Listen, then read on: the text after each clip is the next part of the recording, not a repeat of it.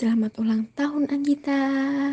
Semoga panjang umur, sehat selalu, dan semoga dilancarkan semua urusanmu ya.